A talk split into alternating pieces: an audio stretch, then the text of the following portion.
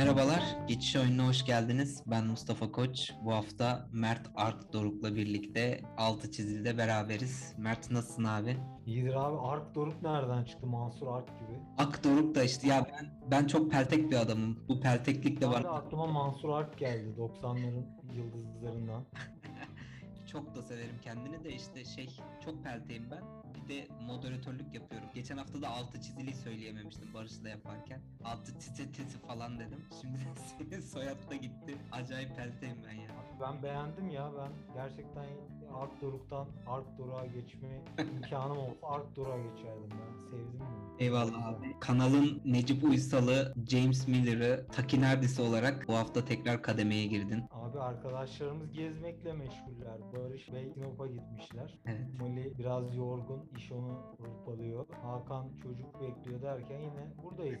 Ama burası bizim evimiz yani. Beni aradı Barış. Perşembe günü müydü? Allah Allah dedim ya. Kadro mühendisini çekmişlerdi. Bir de dedim kayıtla ilgili bir şey oldu herhalde. Bir de dersteydim. Çok sonra geri döndüm. Ya dedi ben Sinop'a gideceğim. Sinop'ta bana yemek yiyecek bir yerler öner dedi. Ya düşünüyorum Sinop'ta yemek yemek için özel bir yer yok yani. Bayağı düşündüm iki gün. Yani Sinop'ta bir mantı yiyebilirsin. Hani balık tazedir, güzeldir de böyle özel şuraya git ye diyebileceğim bir yer yok. Adama şey öneremedim ya bir Sinoplu olarak. Sinop'un Mekan- mantısı mı meşhurdur? Ben onu bilmiyorum.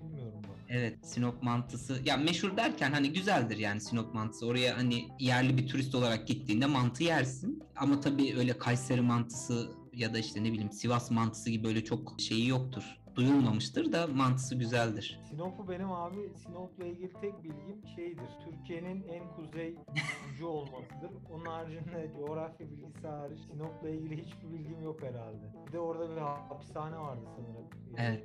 Meşhur. Onu biliyoruz yani bu kadar. Bir o bir senin verdiğin coğrafi bilgi bir de şey var son böyle 5-10 yıldır şey söyleniyor Türkiye'nin en mutlu iliymiş bu kadar mutlu olacak ne var falan diye böyle insanlar Sinopluların üstüne geliyor ama yapacak bir şey yok yani insanlar orada yaşayan insanlar mutlu yani. Abi herkes mutlu olsun. Sinop'ta kadar mutlu olalım. İnşallah abi. Aynen dediğin gibi Barış bu hafta Sinop'a gittiği için senle devam ediyoruz. Bir taraftan da çok acayip bir gündem var. Bu gündemin arasında tabii ki bu gündem sporun dışında çok acayip bir gündem var. Ama bir taraftan da e, sporun içinde de bu hafta sonu bir derbi oynandı. Ama takımların bu sezon içinde bulundukları durumdan dolayı böyle pek bir aslında maç oynanana kadar heyecanı yoktu. Ben maç günü hani bir böyle derbi günü sabah kalkarsın akşama kadar bir şeyler okuyup hazırlanırsın ne bileyim bir yerde arkadaşlarınla toplanıp işte muhabbetini yapıp maça hazırlanırsın falan artık öyle şeyler pek zaten işte bu salgından dolayı böyle alışkanlıklarımız hep kayboldu ama bu derbi özelinde de pek bir heyecanı olmadan derbi gününe girdik. Pek oyun da tat vermedi tabii ki temponun arttığı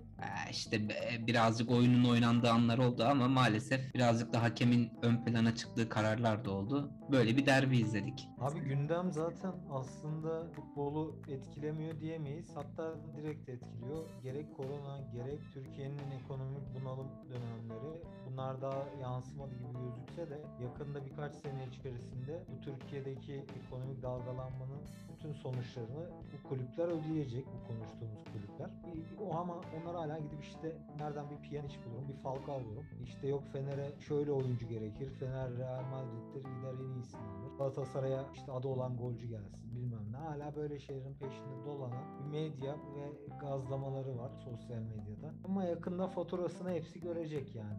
Derbide inanılmaz bir şeydi yani. Neden? Formalite maçı niteliğindeydi. Formalite maçı olduğu için ben göz baktım ama ikinci devrede daha ziyade Vakıfbank İmoko maçına odaklandım. Onu da konuşuruz sonra. Yani hiç sıralamayı da çok artık düşünmediğimiz için Trabzon şampiyon kıvamında olduğu için e, artık Trabzon maçlarına bakıyoruz bazen işte. Ben Galatasaraylı olmama rağmen artık Galatasaray maçları beni sarmıyor. Ama yine bu kulüpler sağ dışında gündem olmaya devam ediyor. Onlara biraz vakıf Ama sağ içi normalde biz sağ içine daha odaklı e, bir ekibizdir kendi içimizde. Ama sağ dışı şu anda üç büyükler özelinde özellikle inanılmaz bir gündem oluşturuyor. Bugün de Vitor Pereira gitti. Ne düşünüyorsun? Bir de Önder Karaveri meselesi var. Onun da ardına biri gelecek. Hocalar değişiyor. Terim de herhalde Avrupa olmasa o da değişir. Kesinlikle. Biz onu Barış'ta da konuşmuştuk. Şu an Fatih Terim'in elini güçlendiren kartlardan bir tanesi Avrupa'da elde ettiği başarı. Umarım devamı gelir. Önce şunu bir söyleyeceğim. Bundan 5 sezon önce olduğunu düşün. Bu hafta sonu aslında çok güzel bir hafta sonu değil mi? Galatasaray Başakşehir'le oynuyor. Beşiktaş Fenerbahçe derbisi var. Atıyorum şampiyonluğu kovalan Trabzonspor'da ligin oyun olarak övülen takımlarından Hatay'la oynuyor falan. Bayağı iyi bir hafta Evet sonu. tam bir futbol şöleni gibi aslında. Evet evet çok iyi bir hafta sonu aslında ama şöyle bir baktığın zaman ilgi o kadar aslında artık boldan uzaklaştı ki ya da ne bileyim içinde bulunduğumuz o kaos,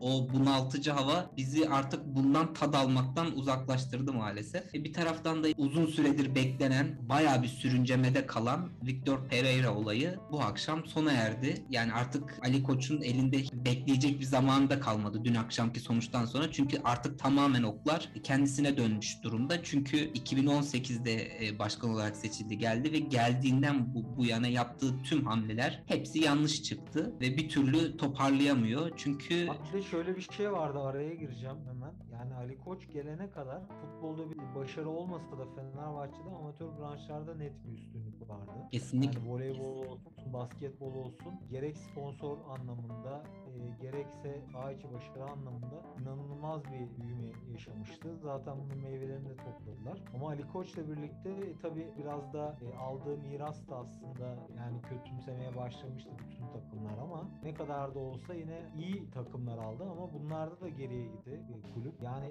Ali Koç geldiğinde ben şöyle hatırlıyorum. Bayağıdır bir şampiyon olmayan futbol takımı. Bir de Ersun Yanal gelmişti daha sonra bir süre sonra. Ersun Yanal da bir önceki şampiyonluğunu hatırlarsan inanılmaz bir e, farklı şampiyon olmuştu ve çok da iyi futbol oynuyorlardı. Evet. Nisan ayında şampiyon olmuşlardı. Hatta işte Galatasaray'a Mayıslar sizin olsun Nisan'da biz şampiyonuz falan gibi böyle mottoları vardı. Yani dedim ki hani Ali Koç Başkan parası var deli gibi adamın istediği kapatır öder geçer. Ondan sonra zaten işte vizyoner bir başkan kimliği çiziyor. Biz de o zaman onun vizyonuna inanıyoruz tabii ki. Bu halini bilmiyoruz çünkü. Ondan sonra Ersun Yanal dediğin hoca işte bu yaşadığı başarılar belli. Dedim ki bu ikiliden mutlaka iyi bir şey çıkacak. Ama neredeyse yani küme düşen bir Fenerbahçe'ye doğru geliyorlardı az kalsın. Ersun Yanal için söylemiyorum bunu. Ali Koç döneminde. Basketboldaki dominasyon kayboldu. Efes sıyrıldı aradan. Güzel bir yatırım da yaptı. Ergin Ataman'la birlikte. Fenerbahçe Avrupa'daki dominasyonda sona erdi. Ligdeki dominasyonda. E sonra voleybolda, kadın voleybolda Eczacıbaşı ve Vakıfbank'ı da geçiyordu zamanında ama şu anda o, özellikle Vakıfbank'ın çok büyük bir dominasyonu var. Aynı şekilde işte erkek voleybol yani aklımıza ne geliyorsun? Masa tenisinde artık nasıllardır bilmiyorum ama eskiden Melek Ulu falan vardı. Onlar şey götürüyordu. Onda bile kötüler. Artık herhalde her şeyde kötüleşmişlerdir. Ama bu popülizm bizim geçen hafta konuştuğumuz konuydu. Ali Koç'u yakan sebeplerden biri de bu oldu. Çünkü sosyal medyayı ve tribünleri dinlemeye çalıştı kendince. Hocalarını eleştirdi tribünleri rahatlatmak için. Kaptanlarını tribüne götürüp özür diletti. Sürekli onlar ne istiyorsa yapmaya çalıştı.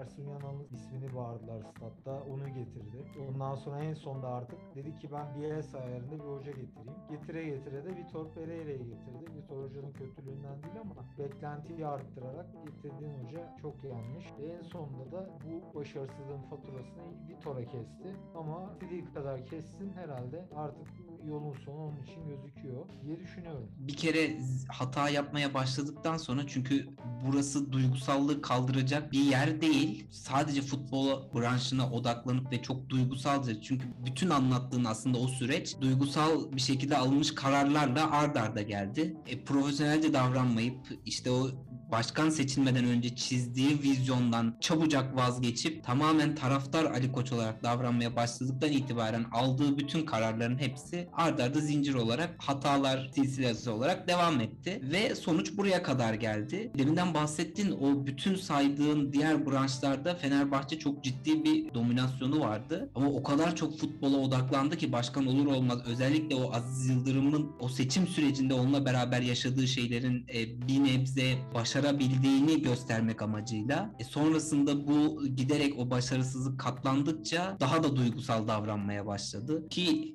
siz benim vizyonumu hiç anlamamışsınız herhalde dediği Ersun Yanal'ı bile getirdi işte o zaman. Değil mi? Bu cümleye kurmuştuk tamamen. Siz benim vizyonumu Evet, evet, diyorsun. Demişti. Gitti Ersun Yanal'ı getirdi tekrar. Daha önce sorulmuştu Ersun Yanal'a düşünüyor musunuz diye. Bu büyük hatalara maalesef sebep oldu. Aslında en başta kurduğu o sistemi devam ettirmiş olsaydı ve bundan siz benim vizyonumu anlamıyorsunuz herhalde dediği o vizyonla devam etseydi şimdiye kadar Fenerbahçe belki de bir ya da iki şampiyonluk alabilecekti o zamandan bu zamana. O sistemi kurup bunu sürekli 6 ayda bir bozarsan buradan iyi bir şey maalesef çıkmaz. Çıkmıyor da. E, Belki de Emre Belezoğlu'yla devam etmeliydi. Çünkü bu kadroyu aslında o kurmuştu. Geçen sene bu kadronun temelini o atmıştı. Belki de hani oradan devam etmeliydi. İşler belki de Abi, bu kadar kötü gitmeyecekti. Şey oldu orada araya gireyim hemen. Yani e, geçen sene özellikle bu arka tayfa diye tabir edebileceğimiz e, Fenerbahçe'deki tayfanın tamamını göndermeyi tercih ettiler. Bu aslında doğru bir karar olabilirdi ama bunu Emre dışında yapabilirlerdi. Yani ben Emre'yi bitim kadar sevmem. Sevmediğim bir insandır. Hoca olarak şu ana kadar başarılı işler yaptı. Profesyonel düşünmek lazım tabii. Kulüp kendini onu hoca olarak görebilirdi. Sana %100 katılıyorum. Yani Volkan'ı, Caner'i vesaireyi gönderebilirsin Ozan'ı. Ama senin bir hoca bulman gerekiyorsa çok da mükemmel bir hoca da getiremiyorsan Emre Belezoğlu'nun tek başarısız olduğu nokta Sivas maçı oldu. Yani bir maç üzerinden mi değerlendiriyorsun sen hocanı e, alırken? E hani Ali Koç'tun sen hani vizyonluydun, vizyonlu insan, forun nasıl ol- olduğunu bilen insan sadece bir maç üzerinden bir hocayı değerlendirir mi? Değerlendirmez. Dolayısıyla o sıkıntılı tayfayı gönderirken Emre'yi buna dahil etmeyebilirdi bence. Böylece hem bir önceki seneden takımı daha iyi tanıyan, sonraki seneye daha iyi hazırlayabilecek bir hocan olurdu. Hem de sıkıntılı oyuncuların birçoğunu göndermiş olacaktın o zaman. Ha, Emre onları tutmak isterdi bilemem. Belki de öyle bir tavır alırdı. Böyle bir tavır alıyorsa o zaman tamam Emre'nin de gönderilmesi beis yok. Ama bence o iyi ayırabilirdi. Yani sorunların her hepsini gönderelim yerine sorunları gönderelim Emre'yi tutalım gibi bir e, şey yapabilirdi. Diğer bir sıkıntısı da dediğim gibi BS ayarı hoca deyip tur getirmesi ki aslında Vitor da çok iyi başladı bence. Ama yine Fenerbahçe e, her zaman olduğu gibi kendi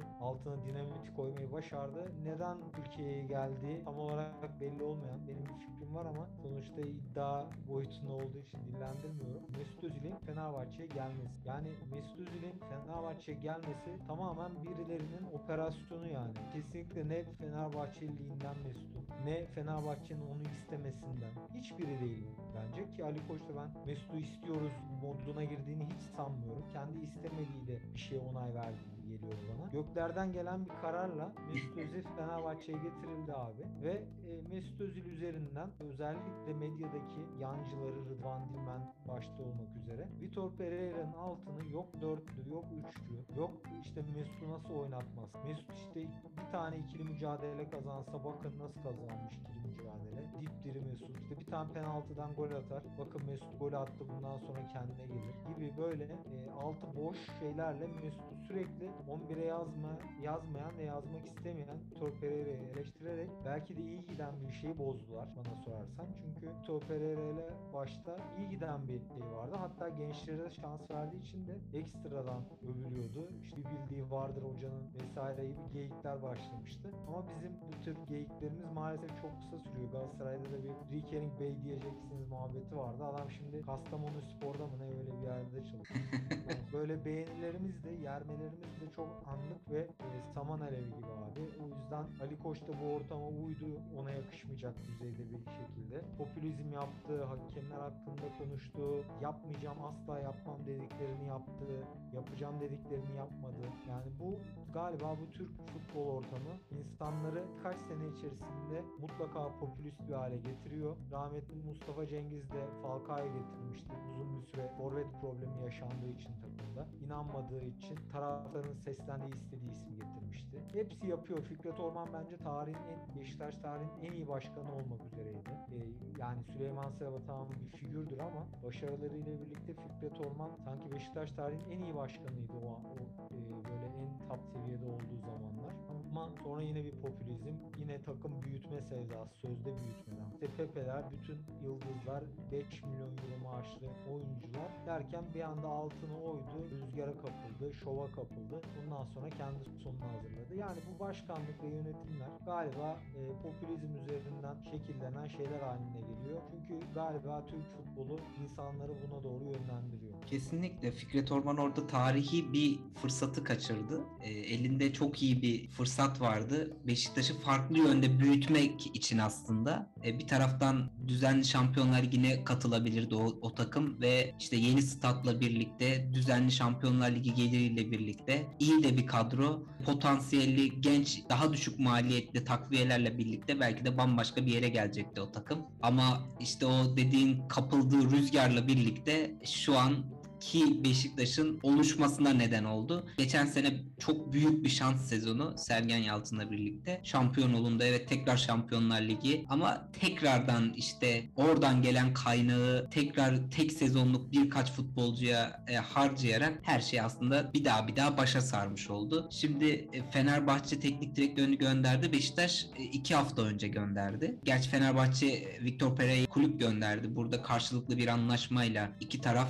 bu işin artık olmadığına karar verip e, bir ayrılık yaşandı ama iki haftadır bu yana da Beşiktaş'ta bir hem kararsızlık ne yapacağını karar verememe hem de bir taraftan U19 takımının teknik direktörüyle yola devam etme durumu var. İlk önce Fenerbahçe maçı öncesi bir maç oynandı. Sonra derbiye de Önder Hoca ile çıkma kararı alındı. Şimdi bu akşam bir haber daha çıktı. Bir sonraki maça da Önder Hoca ile çıkma kararı alınmış. Herhalde her maçtan sonra Önder Hoca ile çıkma kararı alıp devam edecekler öyle görünüyor. Çünkü büyük bir kararsızlık var. Pinheiro deniliyordu. Onun da olmayacağı anlaşıldı dün. Ahmet Nur Çebi Şenol Güneş diye bastırıyor. Diğer yöneticiler Şenol Güneş'in olmasını istemiyor. Daha genç, potansiyeli olan, taktik bilgisi yüksek bir teknik direktörle devam etmek istiyorlar ki bunu artık çok dillendirmeye başladılar. Bunun sürdürülebilir olmadığını, Beşiktaş'ın bu sezon e, yaptığının sürdürülebilir olmadığını genç, potansiyelli futbolcularla ve yeni nesil bir teknik direktörle, genç bir teknik direktörle devam etmek istiyorlar. Ama e, Ahmet Nur Çebi de sürekli bu sarmala giren. Ya aslında Ahmet Nur Çebi'nin bence Şenol Güneş isteği çok kendisi için gerçekçi. Çünkü Şenol Güneş şöyle bir adam. Tıpkı Fatih Terim gibi. Nevzat Demir'in anahtarını verirsin ve bir daha Nevzat Demir'e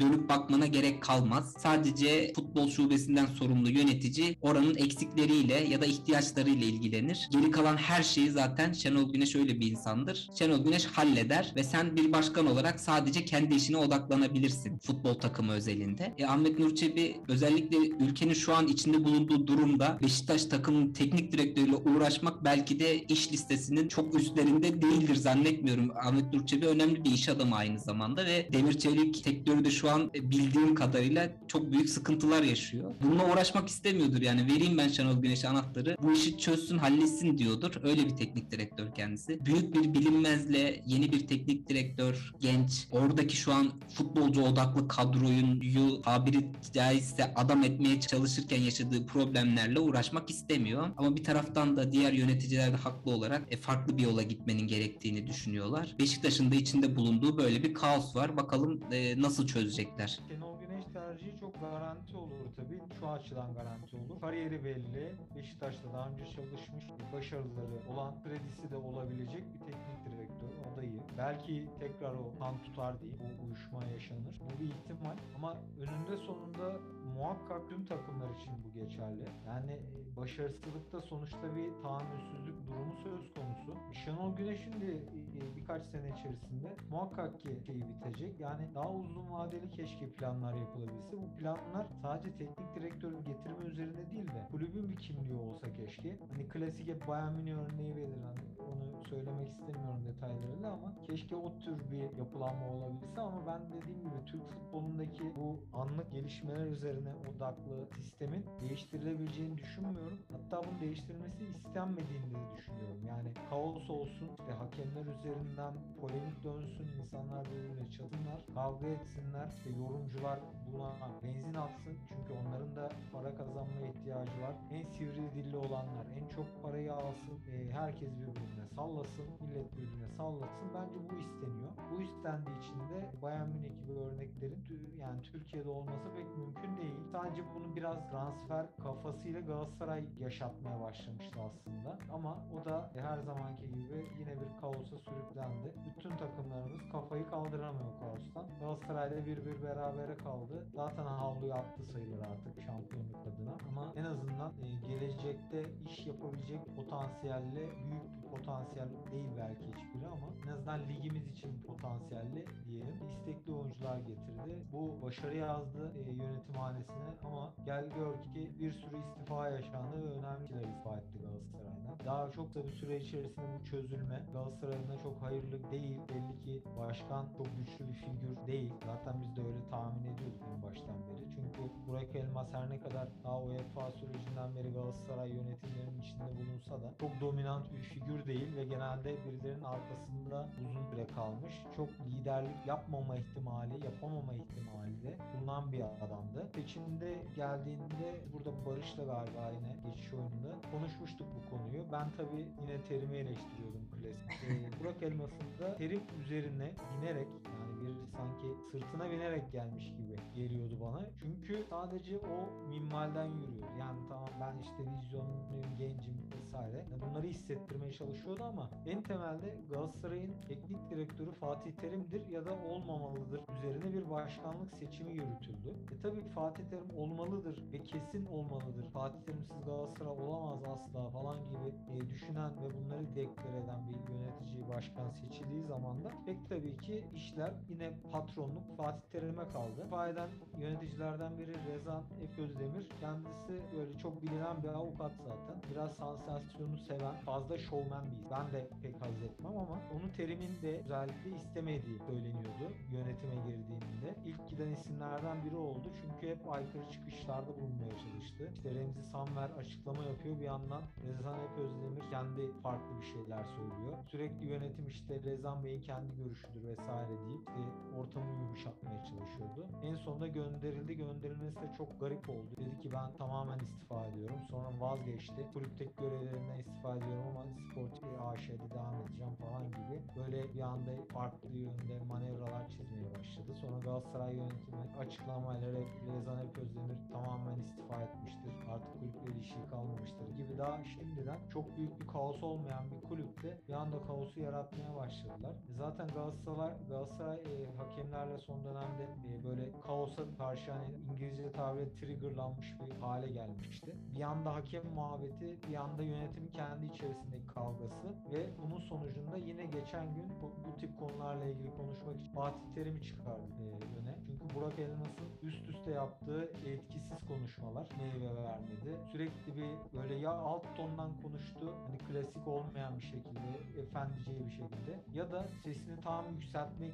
istermişçesine bir konuşma yapmak dedi. Yani çok vurucu şeyler söylemek dedi ama yine vurucu olmadı. Çünkü o iletişimi tutturamıyor büyük ihtimalle. E o öyle olunca bu sefer en son Fatih Terim çıktı konuştu. Yani sanki şey gibi oldu böyle sokak kavgasında hani biri dayak yemiş de abisini çağırmış gibi oldu.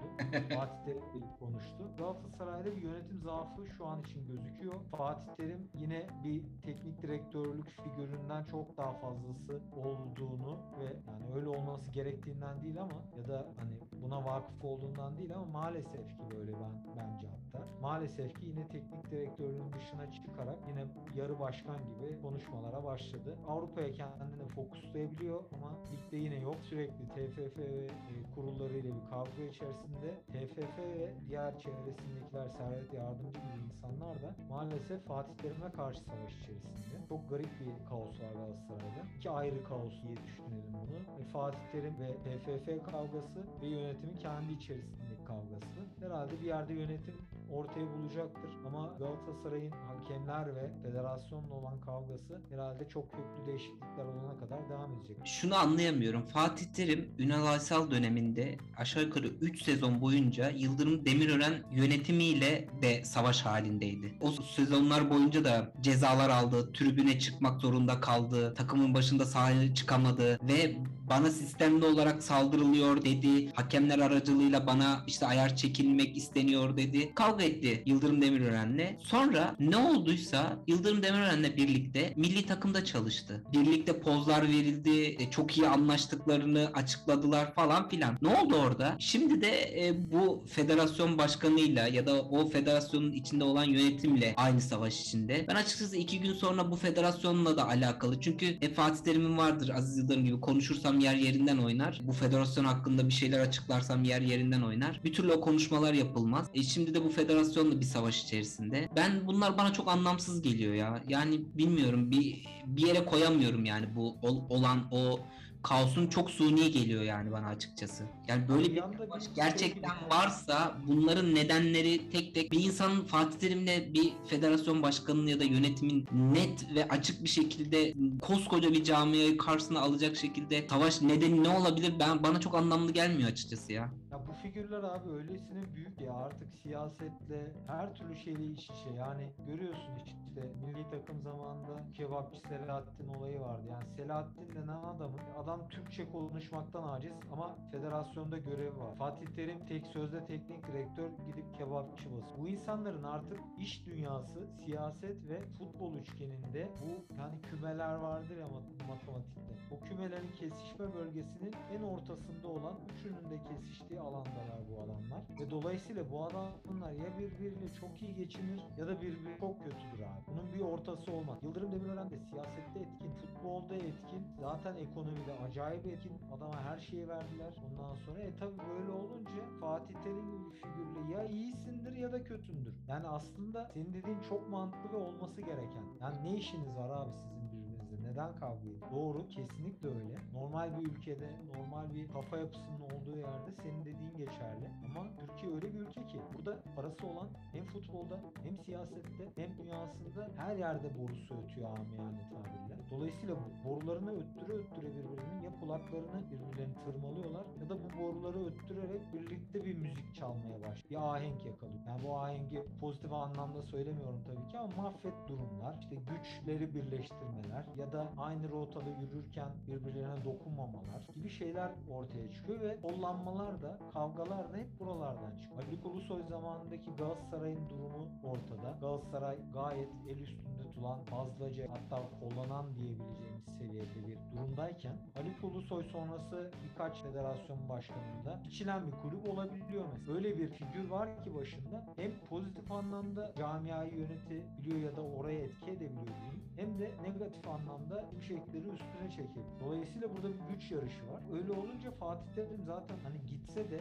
bunu perde arkasından bile yapabilecektim belki. Ama Galatasaray'ın bizzat içindeyken maalesef dışarıyla kavga etmekten, o insanlarla kavga etmekten teknik direktörlüğe vakit bulamıyor. Ben hep bu açıdan çok eleştirdim. Yoksa Fatih Terim Galatasaray efsanesidir evet. Türk futbolunun en e, başarılı hocasıdır evet. Ama o figürlükten artık çıkmıştır Fatih. Fatih Terim bir figürdür ama teknik direktörlük figürü değildir artık. Ya Burak Elmas'ın o zaman yaptığı senin bu konuşmandan şeyi anlıyorum. Bile bile lades yani bunu bilmeme ihtimali yok. Sırf o zaman seçim kazanmak için oynadığı bir koz. Kolay da bir hani ayrılmak istese kol- kolay kolay yapabileceği de bir şey yok. Belki de içten içe başarısız olmasını da diliyordur. Çünkü bu kaos kulübü ve Öyle yönetim değil, çok kaos en önemli şey figür. Şunu diyeceğim, e, Burak Elmas'ın bizzat Fatih Terim'e karşı negatif bir tavrı olmayabilir. Çünkü çok uzun süredir o Faruk Süren başkanken de Burak Elmas'ın arkasında genç bir figürdü. Damadı çünkü onun. E, o yüzden Fatih Terim'le ilişkisi aslında iyi olabilir. Yani ben bunu düşünüyorum. İyi olduğu için sadece e, sırtına bineyim ben başka olayım değil. Ama yani Fatih Terim öyle bir şey ki hani böyle zehir de olabilir, panzehir de olabilir bir şey vardır ya bu yılan zehri. Hem bir ilaç yapımında kullanılır mesela. Hatta eczacıların logosu yılandır. Evet. Yani Fatih Terim'in o fışkırttığı o su eğer iyi tezahür edecekse bir panzehirdir. Ama aynı zamanda seni zehirleyebilir. Burak Elmas bu riski aldı. Yarın bir gün olası bir sıkıntıda Fatih Terim göndermekte senin de dediğin gibi zorlanacaktır. İleride yeni kaoslara gebe yani Galatasaray. Emin olduğu yerde kaos olur abi. Olmazsa da Galatasaray batar zaten. ne zaman güzel şeyler konuşacağız be arkadaş. Şu futbolla alakalı bu ülkede. Konuşacağız abi şimdi bak birazdan sıra güzel bir şeye gelecek. Yok tabii ki biz güzel şeyler konuşacağız da futbolla alakalı konuşamayacağız abi. Ben buna çok üzülüyorum. Ekonomi bu durumdayken, yönetim anlayışı da bu durumdayken zaten mümkün değil abi. Kesinlikle. Deyip gerçekten güzel şeylere geçelim. Gün geçmiyor ki kadın voleybolumuz bizi güldürmesin. Vakıfbank dünya şampiyonu oldu hafta sonu. Sen de zaten e, deminden bahsetmiştin. Derbiyi bırakıp zaten göz ucuyla izliyordum. Sonunda da bırakıp tamamen voleybol maçını izledin diye Vakıfbank Vakıfbank Imoco'yu yenerek dünya şampiyon oldu ve rekor kırdı dördüncü kez olarak. Şu an en fazla şampiyon olma ünvanını kazandı. Yani müthiş bir iş. Bu arada Fenerbahçe ile de yarı finalde eşleşmişlerdi. Fenerbahçe de üçüncülük maçını kazandı. Onlar da üçüncü oldular. Kadın voleybolu bizi tekrar güldürmeye devam ediyor. Yazın konuşmuştuk zaten. Hem olimpiyatlarda ve sonrasında. Şimdi de e, Vakıfbank'ın bir- kulüp takımı olarak dünya şampiyonu olması bizi gerçekten acayip mutlu etti. Hem de rakibi de çok değerli bir rakip. O rakibe karşı şampiyon olması da daha da bu başarıyı değerli kılıyor bence. Evet kesinlikle abi. Şimdi iki türlü farklı başarı tipleri oluyor genelde. Dünyadaki birçok takım sporunda diyeyim. Bir tanesi tamamen para odaklı, çok fazla maaş ödeyerek, e, sürekli yıldız getirerek, kendi çok fazla üretmeden oluyor genelde kendi içerisinde. Bir de böyle ülke sporuna yatırım yapıldıktan sonra alınan meyveler oluyor genelde ve genel ağırlıkta yerli oyuncularla kaç yabancı takviye edilmiş takımların başarılarını görüyoruz genelde. Ülkedeki anlamındaki kadın voleybolda tam bu ikisinin birleşimi gibi anda. Beni de en çok mutlu eden noktalardan biri bu. Tamam Türkiye'de kadın voleyboluna gerçekten bir bütçe ayrılıyor. Özellikle Eczacıbaşı, Vakıfbank, Fenerbahçe gibi takımlar Türk Hava Yolları da buna eklendi mesela. Gerçekten güzel bütçelerle giriyorlar bu işe. Kazandıklarının çok daha fazlasını harcıyorlar. Bunlar yani dünyada zaten bilinen şeyler. Ama aynı zamanda Vakıfbank'ın başarısındaki en önemli isimler Cansu olabiliyor, Zehra olabiliyor, Tuğba olabiliyor. İşte bu sene geldi Meryem olabiliyor. Yani bu Türklerin başarısıyla iyi yabancılar getirerek ve iyi yabancıdan kastım da sadece böyle gidip de dünyanın en iyisini getirmekten ziyade böyle genç yaşlarda da alarak mesela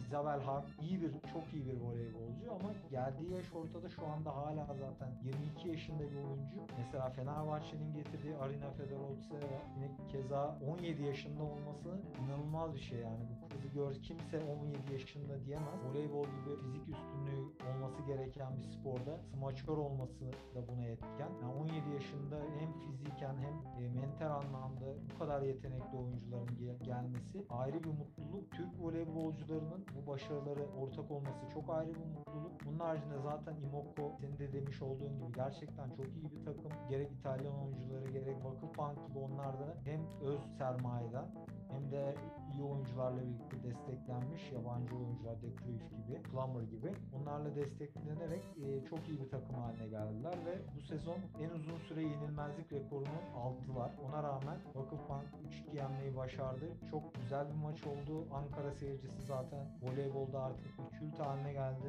Kadın voleybolunda Ankara'da oynanan tüm maçlarda milli takım olsun, kulüpler takımları olsun e, oldukça iyi sonuçlar aldılar. Ankara seyircisi gerçekten hem salonu dolduruyor hem de güzel tepkiler veriyor. Onları da ayrıca tebrik etmek lazım. Organizasyon da çok iyiydi. Aslında hiçbir sürpriz olmadı. Yani bana deseydin ki ya Mert böyle bir turnuva varmış. Sen arada izliyorsun. Ne düşünürsün? Şu takımlar birbirini nasıl yener? Setler kaç kaç biter de setlere kadar yani. Herhalde sana aşağı yukarı bir yanlışla falan yazardım. O kadar net oldu her şey. Sadece son maçta işte Vakıfbank ve Imoko çok güçlü olduğu için 3-2 biter derdim yine ama hangi tarafın kazanacağını bilemeyebilirdim. Çok güzel bir turnuva oldu. Ben izlemekten çok keyif aldım. Zaten kadın voleybolunu izlemekten ayrı bir keyif alıyorum son zamanlarda. Takip ederek izliyorum. Hangi maçlar nerede yayınlanıyor vesaire. Bu turnuvaya da gitmek istiyordum esasında ama uzun süreli bir turnuva olduğu için son günü de pazar günü olduğu için Ankara'da turnuvanın ona gidemedim. Bilet de yoktu bundan sonra ki bir de bittiği zaman da maçın dönüşte hızlı tren olmayacağı için oradan otogara gitmem lazımdı. Gece binecektim falan otobüse. Biraz da ondan üşendim. Yoksa gitmek istiyorum hakikaten. Çünkü Paolo Egono gibi oyuncuları falan hani daha canlı görmek nasip olur mu bakacağız. Daha çok olur bizim voleybolumuz bu seviyede olduğu sürece. İşte onlar olur da biz olur muyuz müsait? Onu bilmiyoruz. Ama gerçekten e, gurur duyulacak işler oldu. Fenerbahçe'de onların özelinde de konuşursak aslında kötü başladılar. İyi devam ettiler. Bayağı iyi oynadılar. E, ama yarı finaldeki rakibi Vakıfbank olunca Vakıfbank kadro olarak da Fenerbahçe'nin bayağı bir üstünde. En az iki gömlek diyeyim ben. Arena hariç böyle birebir de böyle birebir kıyaslama yapsan işte hani futbolda yaparız ya forvet hangisinin forveti daha iyi hangisinin stoperi kaleci yani Arina Fedorovsev hariç Vakıfbank'a koyayım da oynasın bir tane bile oyuncusu yok yani. Belki Eda Erdem o da aslında çok iyi iki tane orta oyuncusu var Vakıfbank'ın. O bile ilk 6'da başlar mı emin değilim. O yüzden bir kadro kalitesi farkı vardı. Fenerbahçe'de güzel mücadele etti. Ee, onların ama takviyeye bence bu daha büyük başarılar için kesinlikle ihtiyacı var. Onu da gösteriyorlar her seferinde. Vakıfbank Türkiye Ligi'nin de burada gösterdiği gibi ağır favorisi. Onun arkasından da bakalım Fenerbahçe, Eczacıbaşı ve Türk Hava Yolları yavaş yavaş bastırıyorlar. Galatasaray da kaç yere takviye yaparsa onlar e, Galatasaray'da yine bir dördüncü, beşinci olmaya aday. Genel olarak voleybol şeyini böyle bir de Neriman vardı bak. Neriman Özsoy'la e, yıllar sonra Türkiye'ye geldi. Yani öyle bir dü- macera yaşadı ki işte. Japonya'ya gidip Polonya'ya gitti. Sanki böyle hani sürgündeki insan gibi voleybol hayatına devam etti. Çünkü onun hem bildiğim kadarıyla okuduğum kadarıyla hem Guidetti ile bir problemi oldu zamanında. Ondan dolayı milli takım almadı. Bir de onun bir evlilik dönemi vardı. Evlendi, boşandı. Sıkıntılı bir süreç oldu onun için. Psikolojik olarak da etkilendi. Bu Guidetti ile yaşadığı sıkıntılar da birleşince milli takıma da çok uzun süre gelmek istemedi. Milli takımdan sanırım bir 4 senedir falan uzak kalmış. 4 senedir. Bir şekilde milli takıma gelmiyor. Aslında çok da yaşlı sayılmaz. 89'u bildiğim kadarıyla. Hala belki ihtimal olabilirdi. E, çünkü milli takımımızın da en zayıf olduğu yer pasör çaprazı maçör pozisyonları. Orası için de aslında güzel bir alternatif olurdu ama böyle bir sıkıntı var. Ama onu da yine de izlemek Türk oyuncuyu Brezilya forması altında görmek Minas'ta oynuyor. Minas'ta görmek güzel. Çünkü hiç bunlar çok olmayan şeyler. Hani bir ara biliyorsun İlhan Mansız'ın bir Kobe macerası vardı. Evet. Kupası'nda. Hani bu tip şeylerin olması bana çok güzel geliyor nedense. Hani şimdi şu an çok sevmediğimiz Alpay Özal'ın bir Urawa Red Diamonds'a gitmesi vardı şey Japon ligine yine. Bu tip şeyleri çok seviyorum ben. Farklı Şenol Güneş'in Seul çalıştırması. Hani böyle hiç hayal etmediğin insanların çok da hayal etmediğin yerlerde olması kadar güzel bir şey yok yani. Fatih Terim mesela işte Fiorentina'ya gittiğinde o kadar hoşuma giderdi ki sırf Fatih Terim orada diye Fiorentina maçlarını izlemeye çalışırdım sürekli. Şeyde Güney Afrika'da çalışan bir hoca vardı ya. Güney Afrika'da mıydı? Neredeydi? Evet evet şey e, Sports TV'de falan yorum yapıyor. Evet. Şu an sen aklıma. Bir aklıma geldi adını, adını çıkaramadım. Benim de yüzü şu an gözümün önünde ama adı aklıma gelmiyor. Evet evet sen söyleyince benim de yüzü direkt aklıma geldi ama böyle saçları şey, gri saçlı ne- neyse. O biraz yine şey önünde değil fazla göz önünde değil o yüzden onu çok takip edemedik ama böyle e, Şey buldum. Muhsin, Muhsin Ertuğral. Ah Ertuğrul'la aynen. Şey Sivas'ta da çalıştı herhalde sonra bu bir ara. Bir ara çok popülerdi ya Muhsin Hoca. Nedense. Evet bir ara öyle bir popülarite yakaladı ama hiç şey değildi böyle hani zaten Güney Afrika Ligi'ni nerede izleyeceksin de hani böyle de takip edeyim takip etmedik mesela. O kanalı nereden buldu acaba bu adam? Nereden bulup oraya git oralara gidip çalıştırdı bu kadar kulüpleri? Valla ilginç hakikaten araştırılması lazım ben de hiç bakmadım. Bir arada Mustafa Denizli Azerbaycan'a gitti. Azerbaycan şey İran İran'da da 2-3 defa İran Traktöre gitti galiba. evet Aktör Sazi miydi bu galiba. Traktörü hatırlıyorum da devamını hatırlayamadım. Traktör Sazi. Şu an Muhsin hocamın Afrika'da yaşadığı başarılara odaklandım. Onlara bakıyorum da bayağı bir şey de kazanmış. Ama yani son başarı Voleybol konusunda kısaca şunu söylüyorum. Gelin sevgili dostlar. Gerçek mutluluk kadın voleybolunda. Erkek voleybolu da olur yani orada da uzlaşırız da. Özellikle kadın bu arada yani erkek milli takımın da çıkışı gerçekten güzel. Ee, onlara da destek vermek lazım ama ya voleybolda öyle bir kitlenmişiz ki kadına ben bir türlü erkeğe geçemiyorum. Kadın voleybolunun hastasıyım.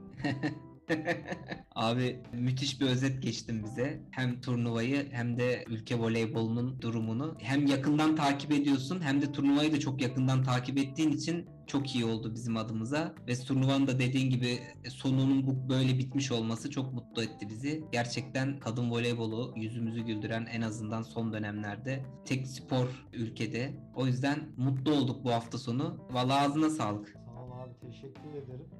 De ağzına sağlık. Büyüklerimizin yaşattığı sıkıntıları bir nebze kadın voleybolumuzu unutturabilse de bizim yine ana odamız maalesef e, futbol olduğu için orada yine sıkıntıları konuşmaya devam ederiz. Mutlu, mutluluk veren pek bir şey olmaz. Belki bir ihtimal Galatasaray son al- 16'da bir tur atlarsa bir tek o, o pozitifliği konuşabiliriz. Onun haricinde tabii Trabzonspor'un sene sonundaki eğer olursa şampiyonluğu onlar adına konuşabileceğimiz oldukça pozitif bir şey olur. Ama onun haricinde üç büyüklerden bu sene pozitif bir şey çıkmaz gibi duruyor. Kesinlikle bence de. Ben birazcık böyle şu an Beşiktaş'ın mecburen girmek zorunda olduğu yoldan umutluyum. Ya umutluyum derken o yola gerçekten rasyonel ve sistematik bir şekilde girilirse onda da umutlu olacağım. Şu an sadece bekliyoruz nasıl bir karar alacaklarını. Geçen hafta da demiştim umarım bu Şenol Güneş olmaz. Dediğin gibi bekleyip göreceğiz ama çok kısa vadede en azından iyi bir şeyler çıkacak gibi görünmüyor. Üç büyükler ya da